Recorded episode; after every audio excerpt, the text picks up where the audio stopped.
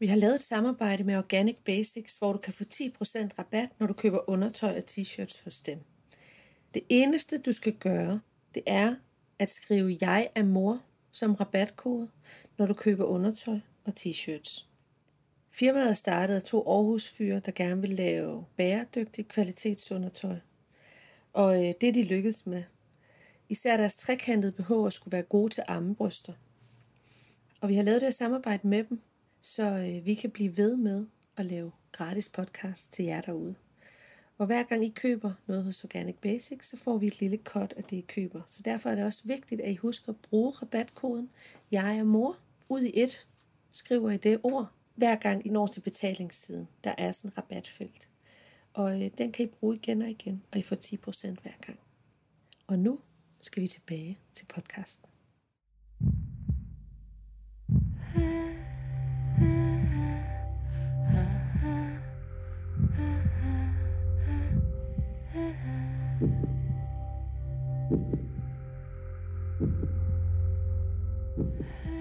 Hej Bente. Hej Laura. Og hej Julie. Hej med Så hej. sidder vi her igen. Mm. Jeg kunne godt tænke mig at snakke om angst og bekymring i dag. Øh, for hvad er det? Hvad er, hvad er angst? Hvornår, og hvornår det er bare sund bekymring? Hvornår bliver det en usund angst? Og, og hvad er det, der sker i kroppen, når vi sådan går og bekymrer os og bliver angste? Og du er jo ikke psykolog eller psykiater. Nej. Og angst er jo sådan et øh, begreb, man bruger inden for sådan noget klinisk psykologi, ikke? Så siger jeg alle mulige fremmede ord her. Øh, uden helt at vide, hvad det er, jeg er ved at begive mig ud på. Men altså, det er jo noget med... Altså, jeg har jo også... Altså, jeg har jo læst sociologi, ikke? Og beskæftiget mig med fødselsdepressioner. og, det kan være, at vi skal sige, hvad Bente så er. Ja. du er kropsterapeut, ikke, Ben? Det er det, jeg er. Ja, det er det, Psykomotorisk terapeut. Ja. ja. ja. Psykomotorisk terapeut. Og jeg, jeg har læst sociologi, men jeg har jo alligevel beskæftiget mig med fødselsdepressioner, som jo også er en klinisk betegnelse. Øh, men øh, så selvom man er psykolog, psykolog, ikke er psykolog, kan man godt sige en masse om, fordi man... Absolut. Jeg svømmer ud på det her dybe vand. Jeg ved ikke, hvor jeg vil hen. Men altså... Øh, men jeg, hvad er det, der sker i kroppen? Ja, og man kan... synes jeg er spændende. Når vi får børn. Ja, når, og når vi, be, når vi bekymrer os. Når vi bekymrer os. Ja. Og jeg, øh, jeg havde sådan en stor lyst til, at vi skulle snakke med dig om det, Bente, fordi at jeg havde lyst til også at snakke om kroppen i angsten. Øh, altså om angst og bekymring. Og jeg sagde til Laura, at øh, jeg, jeg tror dybest set, så jeg synes, det var en følgesvend altid. Øh, nu skal vi Altså, det kan, ja, det kan være, at vi skal, det bliver sådan lidt øh, irriterende at høre på mig, Julie. Vi holder alting tilbage i alle sætninger, vi siger lige nu. Og det er fordi, at i går, tror jeg, det positioneres lige her. I går havde vi en snak om det her med at tale om angst og bekymring. Øhm, og Julie fortæller her, det, som hun siger nu, at det er en følgesvend, og det er noget, du har levet med. Mm. Og jeg bliver sådan lidt irriteret. Hjemme hos mig, så var det min lille søster, der havde privilegiet at græde. Hvor at jeg fik lov at, og jeg, hvor jeg råbte, ikke? Og sådan, hun blev bange, og så græd hun. Og sådan, og var lidt skrøbelig. Og hvor jeg var for voldsom. Og hvem får skæld ud i den konstellation? Det gør hende der for voldsom. Men hun brugte det jo også lidt som en magt. Tudemagten. øh, og, og det der med at have angst, Øh, og det er ikke for at negligere, at nogen har angst, men det er også et begreb, der bliver brugt i flæng hele tiden. Jamen, jeg har angst. Og, og samtidig så er det den her kliniske betegnelse for en faktisk en decideret sygdom. Øhm, mm, men ja, men, og jeg, og jeg, jeg bliver bare sådan lidt øh, provokeret af det. Mm, ja, og jeg, jeg blev ked af, at du blev provokeret af det. Fordi jeg siger netop ikke, at jeg har angst. Jeg siger, at jeg følges med angsten. Øhm, og uden at det skal lyde mere skizofren end som så, så har jeg bare øh, kigget på den så mange gange. Jeg har ikke sagt, at angsten og jeg er lige det samme, men jeg har sagt, at jeg har kigget på den rigtig mange gange. Jeg ved, hvordan den ser ud. Jeg ved, hvornår den kommer, og jeg ved, hvordan det føles, når den kommer. Og angst, altså angstens historie i mig handler om at miste. Miste enten mine forældre. Øh, I tidernes morgen har jeg været bange for at miste min lille søster og i dag er jeg bange for at miste mine børn. Jeg kan næsten ikke snakke om det, uden at blive berørt af det. Øhm, og jeg, jeg tror, udefra har jeg levet et liv som alle andre mennesker. Men jeg har oplevet, at hvis der kommer en ambulance uden for min dør i klasseværelse, man kan sidde, whatever, hvor man nu kan sidde hen i verden i sit liv, så springer angsten lige op på mine skuldre, langs min ryggrad. Øh, Tårerne kommer, jeg klemmer sammen i halsen, og sveden springer, og jeg kigger på min telefon. Er der nogen, der øh, ikke er her mere, som jeg skal forholde mig til? Og den dag i dag har en psykolog fortalt mig, øh, hjulpet mig til at forstå, at oplever man nogle traumer i sin tidlige barndom, så er hjernen som sådan en svamp de første 10 år. At vi overanalyserer, øh, hvor andre måske vil tænke, mor går ud af rummet. Har man så oplevet rigtig store traumer, så tænker man, mor går ud af rummet, det kan være, hun ikke kommer igen. Og det ved jeg godt, helt spædbørn nok kan tænke, men nu er vi oppe og snakke om, at jeg er 8, 7, 8, altså 7, 8, 9, 10 år. Og i dag er jeg 33, og jeg kan stadig tænke det, ikke? Bliver det nu den sidste gang? Altså, det er jo drama på højt niveau. Og grunden til, at jeg synes, at det er vigtigt at tage med i det her, det er, at den dag jeg blev mor, så blev der de flere mennesker, jeg skulle bekymre mig om. Øh, og det synes jeg faktisk er en, øh, en stressfaktor. Og, øhm, og jeg tænker, at det er en stressfaktor, der ikke skal negligeres. Øh. Jeg har så i mit voksenliv fundet ud af, at gud, det er ikke sådan, alle har det. Nå, jeg troede, alle gik og havde det sådan. Og det har været en trøst forstået på den måde. Når men så kan jeg måske også arbejde mig hen et sted, hvor alt ikke er i farezonen. Øhm. Ja, og så fordi jeg tænker, at det at få børn har for mig betydet, at jeg gerne vil lære dem at have tillid til verden. Jeg har et ønske om, at de har en lyst til at kravle op på den allerøverste gren i træet, for det er mega spændende at prøve, og har en lyst til, at de selv skal tage hjem fra skole, for det er ligesom at tage på et eventyr, bare den gang fra skole og hjem til en dør. Der er så meget fint ude i verden, men den kan jeg lukke ned for, hvis jeg bliver for bange og vil passe på dem. Så jeg tænker, der er et rigtig stort arbejde i at blive mor og få et spædbarn. Og så tro på, at nu ligger jeg der fremme, for jeg skal lige tisse. Og det går du ikke i stykker af. Og der er en tro på, at nu kravler I hen, og nu kan I falde ned. Men jeg skal nød, bliver nødt til at lade jer prøve det af. Med, med tillid til, at det dør I ikke af.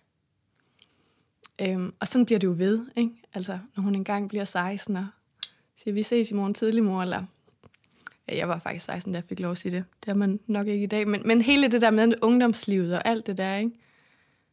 Det blev en lang tale. Men jeg har sådan lyst til, at, at, at, at det skal have plads. Fordi jeg nok også i mange sammenhænge har været hende den sarte. Og mit greb har været, jeg skal fandme ikke være sart. Så udefra har jeg nok nogle gange været hende den sejeste. Ej, lad du hende prøve det, lad du ham gøre det, lad du ham... Alt det der, ikke? Hvor jeg kan se, så bliver det sådan en stedighed på, hvordan giver man sine børn, altså slipper dem og giver dem lov til at leve. Samtidig med, at angsten ikke er i mig, men trods alt er en følgesvend, visker mig i øret, og ja. Øhm. Og nogle gange få lov at fylde rigtig meget. Ja. Ja. ja. Jeg tror, du taler for rigtig mange kvinder. Virkelig. Det tror jeg virkelig, du gør. Altså, jeg tror, det starter jo allerede i graviditeten. Det startede for dig tidligt i dit liv, og i at du siger, at du er sart, så får jeg lyst til at sige, at måske det sarte er netop styrken. Så måske bliver den vendt.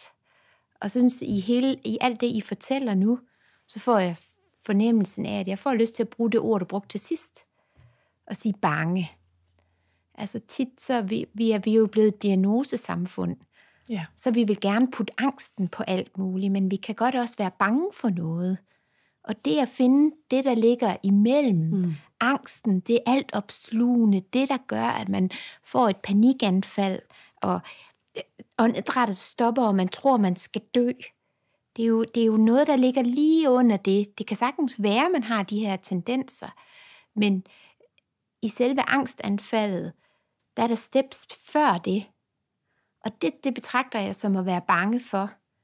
Og det er jo egentlig grundlæggende vores biologi, at vi skal være bange for noget. Det er morens instinkt for at passe på sit barn. At vi er bange for noget, det er barnets overlevelse, at moren har den fornemmelse. Og så er kunsten altid for lidt og for meget. Og specielt når vi har en sjæl, der er fin, og beskæftiger sig rigtig meget med, den tilstand, jeg har, er kun båret åbe af, at mine forældre er der, mine søskende er der. Hvad sker der med min sjæl, hvis de forsvinder? Og kunsten er, tænker jeg, dybest set at vide, at det klarer du. Hvis de forsvinder, så klarer du også det, lige så vel som du har klaret processen om at leve med angsten. Men med moderkagen, faktisk allerede før, men dannelsen af moderkagen, hører bekymring og angst, bekymring og bange, mm. hører vanvittigt meget med i pakken. Mm. Vælger vi det ene til fødslen, vælger vi noget andet fra. Vælger vi at lade dem cykle til skole, eller vælger vi dem at selv gå ud og lege i haven, velvidende de kan kravle op på stigen, og måske falde ned. Så på den måde, så handler det jo om at finde nogle veje med sig selv, hvor man kan prøve at, måske, hvis man har svært ved at finde virkelighedsniveauet i det, så skal man snakke med andre. Men kan man mærke, at jeg vil gerne have, at de får lyst til at kravle op på den øverste gren og kigge ud over verden. Og så må mor stå nede på jorden og prøve at takle det. Og det for mig, med den tilgang, jeg har til det, så er det en takling gennem kroppen. Det er et spørgsmål om at holde fokus, holde fokus på sig selv. Måske hvis man kløjs i åndedrættet, når man bliver bange eller bliver angst, jamen, så kan man have fokus på åndedrættet ved at sige, i stedet for at man skal trække vejret ind, for det kan man ikke, mm. så kan man puste ud. Så hvis man står med den store angst, og tænker, den skal ikke frem her, fordi nu skal jeg give plads, så kan man puste ud, det er der ingen, der opdager. Lige så stille, så laver man en lang udånding. Og når den lange udånding er gjort, hvad sker der så impulsivt? Hvad skete der i din krop? Så træk jeg vejret. Så træk du vejret. Og så kan det være en rigtig god idé at vide, om man har fornemmelsen af sin bækkenbund, for bækkenbunden er fundamentet i kroppen, og det jo, hænger jo så også sammen med moderskabet. I løbet af en graviditet bliver bækkenbunden svagere, for den bliver tyngt påvirket, og den bliver hormonelt påvirket, og så føder vi også ud igennem den, måske hvis I ikke har kejsersnit. Og så bliver den endnu mere belastet. Så hvis man ikke får trænet den på plads, så kan man se på sådan et bækken uden muskler, så kan man se, at der er et stort hul der, hvor bækkenbunden sidder. Og er den ikke på plads, jamen så er vi jo nærmest sådan i gåsøjne lidt bundløse. Mm. Så det er godt at få sit fysiske fundament med sig. Og så få trænet bækkenbunden på plads, sådan at jeg kan mærke, at mit eget fundament styrker jeg. Altså min krop. Og så kan det være nemmere at rumme, når jeg skal have overskud til at give slip. Mm. Giver det sådan lidt mening? Jeg har godt hørt om det med bækkenbund, øh, både det fysiologiske, men også, jeg tuner nogle gange ind på det sådan lidt noget, jeg kan mærke. Og så var en, der sagde til mig, at du skal, hvis du, når du træner dit bækkenbund, så holder du på energien. Så lader du det ikke bare sive ud af dig. Så står du mere fast. Den kunne jeg koble op på. Okay, så begynder jeg at træne bækkenbund. Den kunne jeg ikke forstå. Nej. Så kommer du til at småtige som 30 år. Det kunne jeg slet ikke zoome ind på. Altså. Men det andet, det kunne jeg godt forholde mig til. Mm. Altså man kan også prøve at lave en ganske enkelt øvelse. Man står op, og så slapper man bare i hele kroppen og så prøver man at få nogen til at skubbe en lidt. Mm. Men jeg tænker også alt det her med bekymring og angst. Altså, jeg har jo også et billede af, at det er min hjerne, der fucker med mig. Der er nogle tankebaner, der får lov bare at køre. Jeg ser sådan ligesom, kan I se de der Times Squares for jer, de der bogstaver, der bare ryger hen. Nu sidder jeg og drejer min hånd rundt i rummet og finger. Altså de der linjer, der bare kører. Ligesom hvis man ser TV2 News, så kører der noget ned i bunden hele tiden. Så fortæller de om en ny nyhed ude i verden. Sådan har jeg det med mine tankerækker, når det kommer til angst. Hun dør, du går i stykker, verden går i stykker. Altså. Men det er jo også amygdala, der tager fart. Altså det alarmcentret i kroppen om, at nu er der noget alvorligt, farligt. Det er de tankemønstre, der så sætter gang i biologien. Ja. Så kunsten er jo for os moderne mennesker, som ikke har løverne efter os, mm. og, og kigge rundt og sige, hvad er løven her? Mm. Og forholde os savligt til det, der foregår omkring os, og så gå ind og have en dialog med hjernen. Mm. Men jeg har jo også en fortælling om, at når vi bliver mødre og får et barn, hvis vores barn går i stykker, så går moren i stykker. Og moren, det er mig. Altså, det ja, det, med, hvor kommer, hvad? hvor kommer den fortælling fra? Jamen, den kommer hjem fra mig af. Altså, at min mor var op til flere gange ved at miste min lille søster. Altså det der med som barn. Undskyld. Men det der med at have en fortælling om, at så kommer ord i stykker. Ja. ja. Så jeg, jeg tænker, når, når du fortæller mig det så fint, at det, du kan se sammenhængen, så er det også noget med at finde ud af, og hvad gjorde din mor så, som ligger i dig, hvor du fik en skrøbelighed? Fordi det, der er vigtigt, tænker jeg, det er, at vi som voksne altså, står ved vores skrøbelighed, men at mm. vi også er voksne i det. Ja. Altså voksne på den måde, at vi kan sagtens være kede af det. Mm. Vi kan sagtens blive berørte, vi kan også blive bange, men at vi får sagt nogle ting omkring, hvad gør vi ved det? Mm. Så når jeg bekymrer mig for min datter, eller hvis jeg bliver rigtig ked af noget, som påvirker hende, at jeg så bagefter siger, men se på mig, jeg bliver hurtig helt igen, når jeg får lov at reagere på det. Fordi ofte bliver vi hele igen, når vi får lov at reagere på det. Problemet kan være, hvis vi holder på det. Så hvis, uden at gætte for meget, men hvis din mor har holdt på det, for at prøve at være noget, som hendes kropssprog ikke fortalte, hun var, så vil man løbe ind i den problematik som barn, at man ser det alle steder. Mm som en fare. Mm. Men hvad er, hvad er forskellen så på at være sund bekymret, og, og det der med at komme over i noget, vi siger en usund angst? Det er meget abstrakt for mig.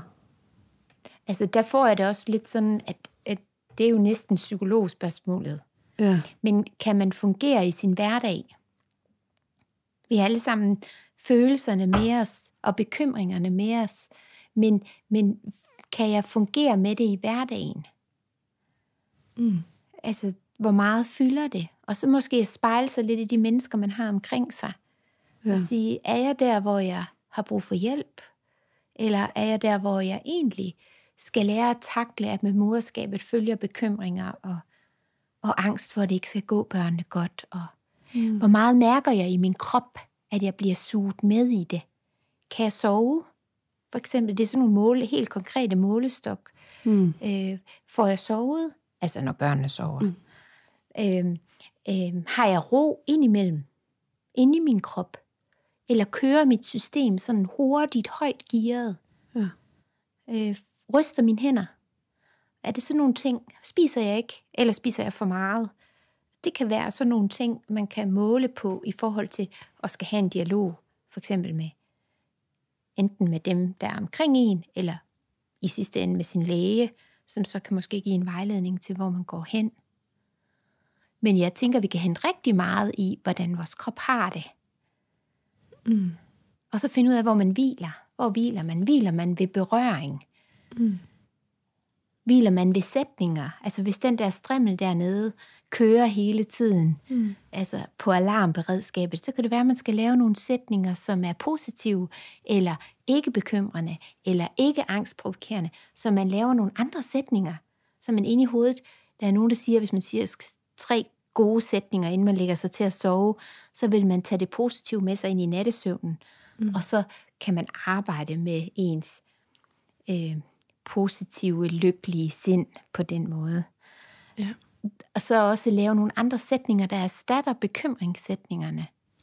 Ja, altså jeg har lært, øh, det er hende Byron Katie, der, der arbejder med tankerækker og sådan noget. Hende har jeg brugt meget. Altså sådan, når angsten kommer, så sætte spørgsmål, og så stille nogle spørgsmål, der leder mig hen til et andet sted at være inde i kroppen. For eksempel, nu kan det være vedkommende at komme slemt til skade, fordi jeg hører en ambulance, lad os sige det er det. Altså simpelthen at sætte spørgsmål, ved jeg, det er sandt? og kan jeg vide, at det er sandt? Og så lad mig selv føre dig hen til svar og sige, nej, det kan jeg ikke. Øhm, hvordan får du det, Julie, når du tænker det her? Så får jeg det sådan her, får det fysisk dårligt, og jeg bliver lammet. Det tager ikke så lang tid, et par minutter måske, men det indfinder sig lige. Hvordan vil jeg have det, hvis jeg ikke skulle tænke det hver gang? Men så vil jeg føle mig fri til at være med det, jeg nu er i. Og så, øh, og så hjælper hun det der med, så vender man sætningen om. Der er ikke sket noget med vedkommende. Og det tager måske tre minutter, men det giver mig selv lov til at opdage mine tanker, og så fører mig selv et nyt sted hen. Så kan det godt være, at i den periode, jeg ikke sover så meget, og der er stress på hjemmefront og så videre, så skal jeg lige komme i tanke om, at jeg kan gøre det. Men det er en ressource, jeg har fået hjælp til at finde hen til. Øhm, fordi jeg simpelthen synes, føler, at det er min hjerne, der fucker med mig. Mm. Altså. Men det er det helt sikkert også. Mm. Fordi hjernen er, er uddannet til at, at kigge efter fare. Og, og, og det er den del, vi er op imod i vores samfund, fordi vi ikke har de reelle farer før for eksempel skaden er sket, men vi har ikke løver, der løber efter os, eller klipper for den sags skyld, vi falder ud over, eller altså systemet er jo, er jo kun indrettet, vores biologi er kun indrettet til at kigge på, om noget er farligt eller noget er fredeligt. Mm. Og så har du fået en god værktøjskasse, som du nu har givet videre til andre, ved at lave det her lille talescenarie med dig selv. Om det så tager tre minutter, om 10 år, så tager det garanteret kun 30 sekunder. Mm. Fordi du er blevet bedre og bedre til det med tiden. Jeg har lært, at det er en måde at lave nye hjernebaner ja. op i hjernen. Ja. Der er en, hun hjalp mig til at se, du har lært at dine tanker bare at køre sådan her. Og jo flere gange den har kørt, jo styrk, tykkere, dybere bliver den ring, og så kan den ikke komme op af ringen igen. Mm. Ligesom sådan en krav, man løber rundt i. Så du skal lave nogle nye mm. tankebaner. Ja, det har været enormt brugbart for mig. Øhm, og, og jeg ved kun sådan noget her fra min egen erfaring. Jeg ved ikke meget om det, derfor jeg har lyst til at folde serien ud, blandt andet sammen med dig. Altså, når jeg sidder som kropsterapeut, så får jeg også lyst til at sige, at det nyeste, man har fundet ud af omkring lillehjernen, det er der, derom, at man ved, at balancen sidder i lillehjernen, men at negative tanker hører også hjemme i lillehjernen. Så hvis man træner balancen, så kan man træne de negative tanker ud af systemet. Ikke 100%, men man kan løfte ens serotonin og dopamin, altså de gode hormoner, ved at træne balancen. Så sådan noget med bare lige at stå med samlede fødder, og prøve at stå, og så lukke øjnene. Og hvis man er god til det, så står man på et ben med åbne øjne, og hvis man er god til det, så står man på et ben med lukkede øjne, bare et minut om dagen. Mm. Så vil man kunne træne kroppens negative center. Mm på den måde, inden for funktionel neurologi. Mm. Ja, jeg får, sådan, ja, jeg får lyst til at sige, det er også en måde sådan at, at give nogle støttepiller, eller mm. grounde mig mere, mm. fordi i perioder har jeg skulle synes, hold op, du er et esbeløv, Julie. Eller som en sagde til mig, det seje ved dig, Julie, det er, at du er sådan en siv, sådan en rigtig stærk siv. Du vælter ret nemt, og så ligger du der, og så står du lige så stødt dagen efter igen. Altså, det har været en del af min fortælling, men når du siger det der, så får jeg lyst til måske at stå lidt mere fast i vinden en gang imellem. Ikke? Især når der ikke er fare på færre, men mere min hjerne, der går i gang. Ikke? Og så puste ud. Ah, så puste. For at skabe noget åndedræt. Ja. Mm. Ja. Bente, oplever du, at, øh, at der er mange, der har, har, er bange når de bliver mor? Eller hvordan oplever du tendensen blandt Du har jo haft den her praksis i 20 år, 25 år, og set, hvor mange, jeg ved ikke, hvor mange tusind kvinder, som er nybagte mødre. Ja, altså jeg ser bekymring som noget meget stort, fordi vi også kommer i bekymringen for at gøre ting korrekt. Altså der er ligesom ikke plads til at kikse i vores niveau på hvordan vi ser vores moderskab. Altså en mor er vel også en mor, der bliver berørt, og en mor er vel også en mor, der bliver bange. Og en mor må gerne blive meget bange på vegne af sine børn, for det er også en måde at passe på dem på. Øh, men jeg oplever også, at, at der ligger en hård, fin balance mellem netop det her med, hvad vi kalder angst og angstanfald, og så det at være angst på sine børns vegne, for at det går dem godt i livet, eller de ikke kommer til skade, niveauet der. Og der må jeg sige, at det, det er meget mere i talesat nu, end det var for mange år siden. Det er meget mere, og det tror jeg, det har noget at gøre med, at, at vi har fået den her perfekt kultur. Så du, op, altså, så du faktisk oplever, det bliver mere talsat, at folk er, er mere bange for at fejle, Ja, eller bange for den der øh, usynlige løve, Ja. eller køre sådan nogle mønstre. eller det, at de går måske selv med det indeni, og så hvis der skal en i gruppen, hvis man er i nogle forskellige grupper, de forskellige sociale sammenhænge, man er i, der skal være en, der åbner op og siger noget, og så er alle fyldt af det Okay, i forskellig grad. ja.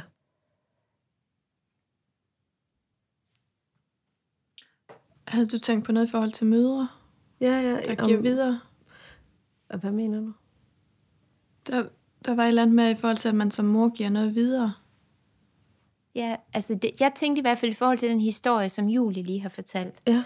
at det er meget vigtigt at kigge lidt på, men hvad har man så været vant til, at ens egen mor har gjort i forhold til at rumme den bekymring? Altså jeg kan sige noget omkring for eksempel min egen kære mor. Hun, hver gang vi rejste ud, efter vi sådan blev op i teenageårene, så hun grædt, når hun skulle sige farvel.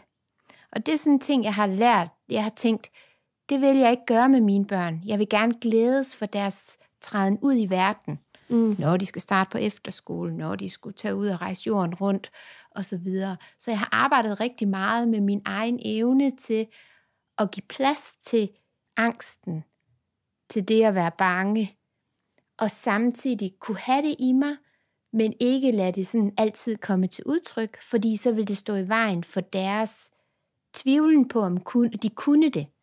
Fordi vi kan jo 10 gange så meget, som vi selv tror, og 100 gange så meget, som vores mor tror. Det er jo sådan en gammel sigen. Mm. Og det, når jeg står med de 100 som mor, så må jeg have tillid til livet. Tillid til måske et eller andet sted, at de mennesker, de møder, tager hånd om dem, eller der er andre, der passer på dem.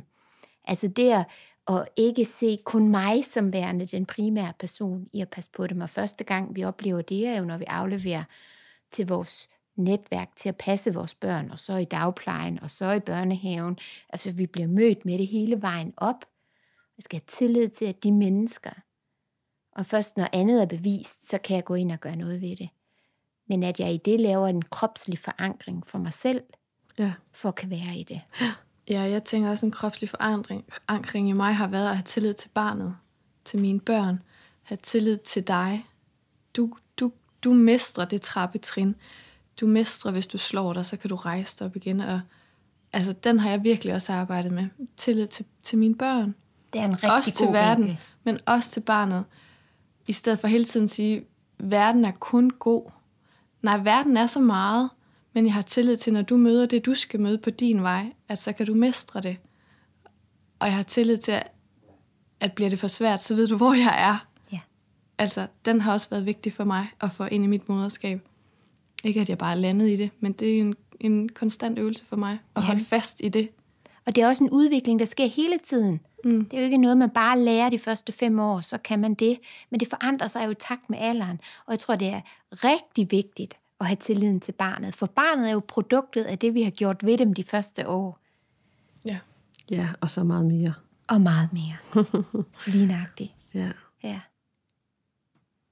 Så, så at have tillid til, at når vi har fyldt dem med kærlighed, når vi har haft rammer, der har kunne være trygge, så vidt muligt ud fra det ståsted, vi har været i, jamen så er der, er der rigtig meget styrke og selvkraft i de her børn.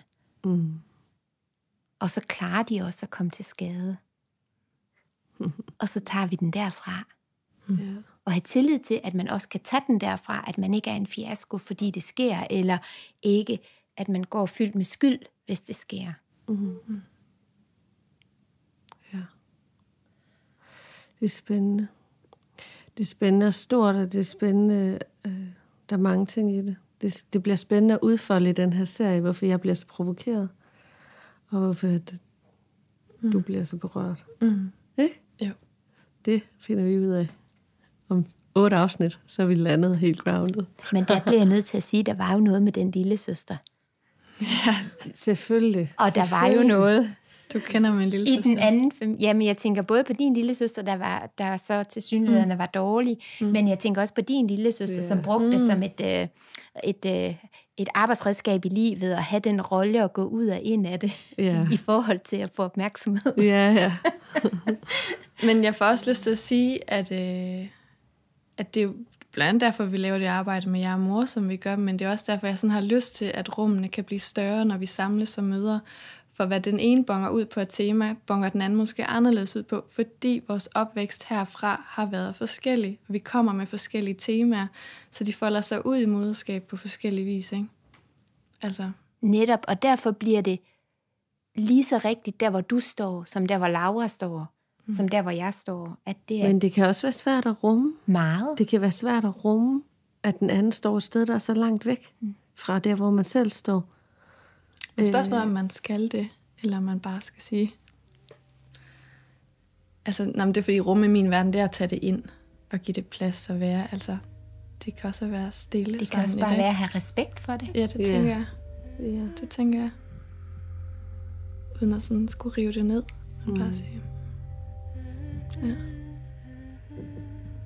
Tak for snakken. ja. Selv tak.